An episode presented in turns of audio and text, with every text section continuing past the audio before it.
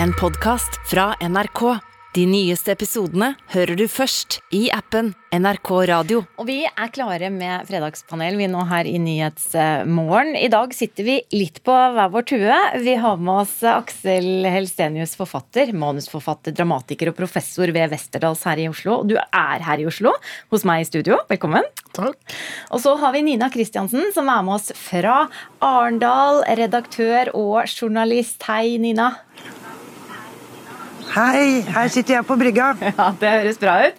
Og så fra Porsgrunn og studio der har vi med stortingsrepresentant for Høyre, Mahmoud Farahman. God morgen til deg også, Farahman. God morgen, god morgen. Vi starter eh, like så greit eh, med en gang, vi dere. Eh, Når vi ikke lyktes med å, å finne en løsning for å, for å flytte henne, så er det sånn at hensynet til, til menneskers eh, sikkerhet gjorde at vi måtte avlive avlive.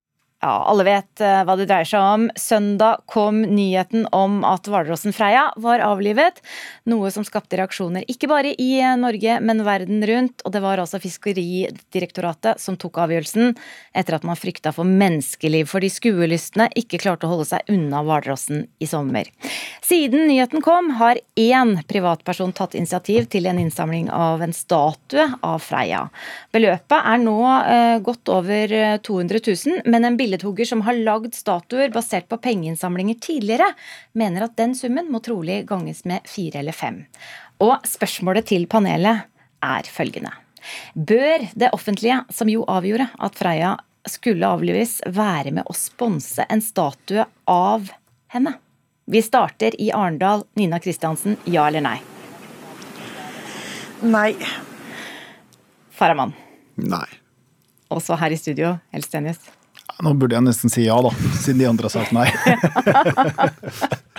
Ja. Nina Kristiansen, ja, du sier ja? Ja, jeg gjør det. Jeg bare ombestemmer meg og sier ja. Ja, ok. Vi starter i, i Arendal. Nina Kristiansen, hadde ikke det vært en fin gest da? Eh, eh, I forhold også til all kritikk Fiskeridirektoratet har fått denne uka?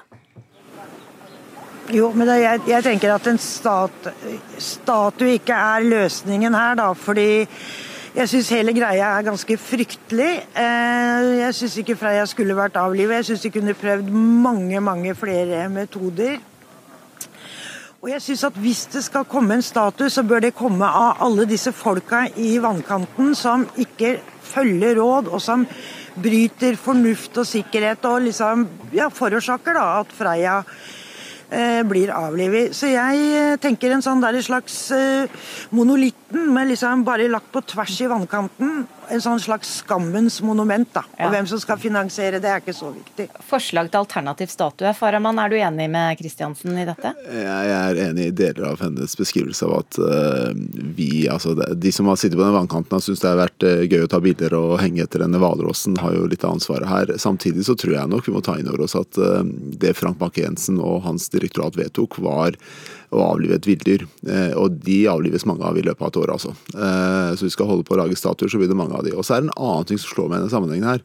Eh, Nesten samtidig som hvalrossen ble avliva, så ble en forfatter knivstukket og forsøkt drept, Salman Rushdie. Ingen debatt om å reise noen statuer av han eller hans norske forlegger, eh, som på en måte er en interessant debatt da, i den sammenhengen der. Ja, Det er mange som har eh, reist den sammenligningen, på sosiale medier bl.a., så det har vi fått med oss. Men eh, Helstenius, du eh, heller mot ja, altså. Det offentlige bør være med på regninga. Ja, det er det Når jeg ombestemte meg nå midt i sendingen, så, så, så Ja, jeg syns for så vidt det. Men altså eh, Hvalrødstatue, det, ja, det jeg er jo redd for, er at alle har jo glemt det når den statuen da er ferdig. I og med at så fort som mye nyheter på en måte kommer og går nå. Så hvis det ikke reises en hurtigstatue, så, så tror jeg på en måte dette har blåst over. Og det er jo synd. Så det er jo, vi må jo diskutere dette på et helt annet eh, nivå. Jeg leste Anne Saurud Tygesons eh, kronikk i Aftenposten som også snakker om dette her. Sånn, dette må jo, det må jo bare endres, måten vi forholder oss til ville dyr, måten vi forholder oss til natur. At vi kan gå og lage Oslofjorden til, til Disneyland og bare gå og, og filme dette dyret, som er et vilt dyr, som har minst like stor rett som oss til å, til å oppholde seg der. Og jeg tenker også, jeg synes det er absurd. Nå, det går to-tre uker, så er det ingen som kommer til å være på stranda lenger. Det kommer til å gå med noen småbåter og noe sånt nå. Men ingen mennesker. Så at de gjorde den Jeg jeg er helt rystet over det. Så derfor så kan de myndighetene være med på å betale for dette her. Ja, vi skal litt ut på debatten der, det er jo en annen Men vi, vi fikk med mange synspunkt her. Vi må videre, dere. Eh, onsdag, også denne uka, så kom nyheten om at eh, MDG-leder Une Bastholm gir seg som partileder. Bastholm sier tida ikke strekker til, at det er vanskelig å være både partileder og småbarnsmor. For jeg har erkjent at jeg ikke har den ekstra tiden og den ekstra energien som trengs lenger.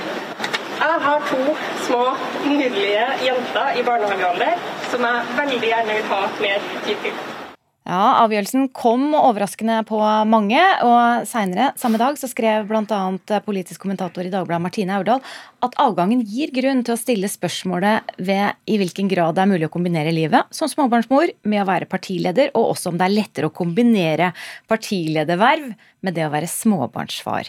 Så blir spørsmålet til panelet da, er det lettere å være småbarnsfar enn småbarnsmor i norsk politikk. Og da tror jeg vi begynner i Porsgrunn hos deg, Mahmoud Farahman. Ja eller nei? Det er nok vanskelig å være mor, ja. Så ja, det er vanskeligere. Ja. Det er, eller, ja eller nei, nå roter jeg. Det, det er lettere å være småbarnsfar enn småbarnsmor. Det er lettere å være småbarnsfar enn småbarnsmor. Ja. Og Nina Kristiansen? Ja, dessverre er det nok fortsatt lettere å være far. Ja. Aksel Helstenius? Kan jo bare uttale meg som far, og det har vært greit, det altså. Så jeg må si ja. Enighet her. Vi skal starte med deg, Farahman. Altså, du er jo selv eh, far. Eh, ikke småbarnsfar lenger, men det, det har du jo vært. Og eh, hvorfor tenker du at det er lettere for far? Nei, altså Det å være politiker og ikke minst i ledelsen på politisk parti i startfasen med, med små barn da er svært krevende, spesielt for kvinner. Eh, det, de, er, de, må muligens være mer til stede, og så er det sånn første par åra er nok de mest krevende, vil jeg tro. Men jeg har jo selv reist mye i jobbsammenheng når barna var små, og, og sett uh, hvilke press det er på min bedre halvdel, eller har vært på min bedre halvdel. Uh, men, men, det er krevende. Altså, for, å, for å understreke, det vi ser i stortingssalen de dagene vi er der, er en del av det, men det er masse reising i tillegg, i helger, i, i andre dager uh, osv. Så, videre, så det er krevende. Altså. Mm. Nina Kristiansen, er det ulike forventninger til hva menn og kvinner skal bidra med på hjemmebane? Det er jo, om det ikke er ulike forventninger, så er det i hvert fall ulik praksis, da. Og all respekt for Une Bastholm sitt valg, altså det skal ikke jeg uttale meg om, men, men, kvinner tar jo mer ansvar. ikke sant? De tar mer fødselspermisjon, de jobber mer deltid. Og noe av det er jo kanskje samfunnets forventninger, men så er det også kanskje kvinners ønsker da, ikke sant, om å ta mer, eller, eller at det er tradisjonene som driver det, at mor har en annen rolle i samfunnet fortsatt. Og det er eh, så synd. Eh, og eh, derfor så er det dessverre sånn at det er lettere å være far enn mor, men det burde det da ikke vært. Og kvinner har et ansvar, men først og fremst samfunnet, tenker jeg da. Eh, Helstenius, altså ulike forventninger. Du har hatt det greit som far?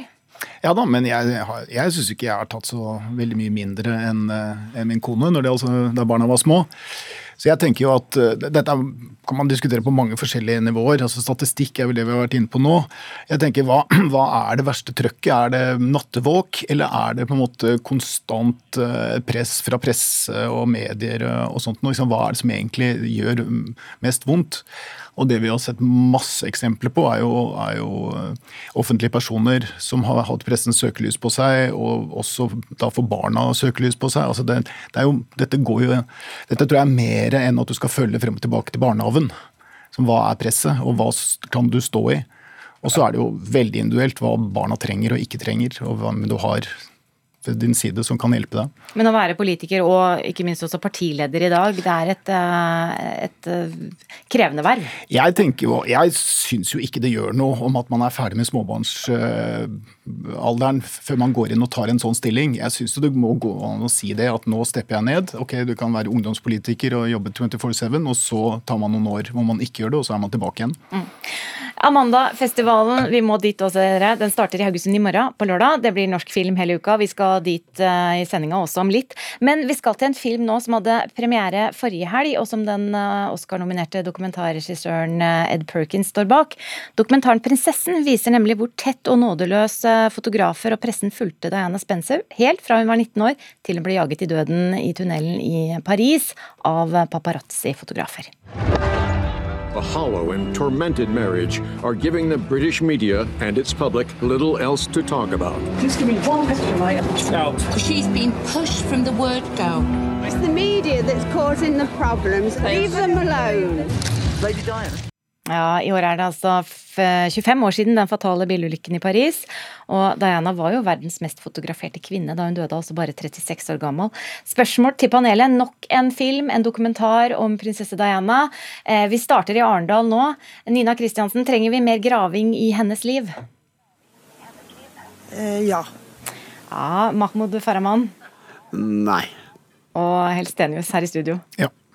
Ja, eh, Nina Kristiansen, hvorfor ja? Nei, altså Denne filmen, altså, som jeg ikke har sett, men jeg har jo lest om den, viser jo at eh, hvordan omverdenen var med på å eh, plage og kanskje til og med forårsake Dianas død.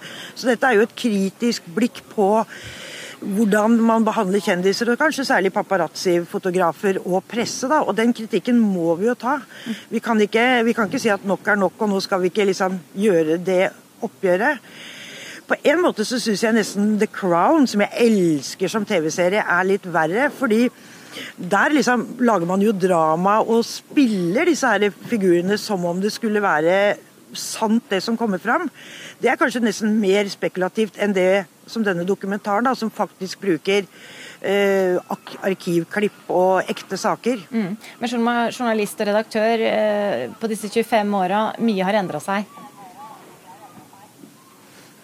Ja, hva sa du nå at Ja, Mye har vel endra seg etter uh, dette, denne tragiske ulykken ja, i forhold til mediene? Ja, ikke sant. Altså, det har jo kommet en lærdom av det som skjedde med Diana. og der, men, men, det betyr ikke at vi er ferdig. Det er jo fortsatt press på kjente personer og de kongelige osv. Og, så og så er det liksom noe med at pressen må holde etikken høyt, og kanskje bli påminnet det da gjennom liksom fortidas tabber. Ja, og Faraman, hvorfor mener du vi er ferdig med Diana? Jeg mener ikke vi er ferdig, men det er laga en rekke filmer om hennes liv. Eh, det er gravd ganske godt i det, vil jeg påstå. Og, og, jeg kan være tilbøyelig til å være enig med Nina her på at altså, hvis, er, hvis, vi skal se på presseetikken i det, så, så vil det en litt annen vinkling. Men jeg mener også det er godt belyst, altså. Og så vet jeg ikke hvor mye mer det er å hente fram. Det, det, det for meg blir et sånn det, det, blir for mye av det, og da tror jeg folk også går i metning.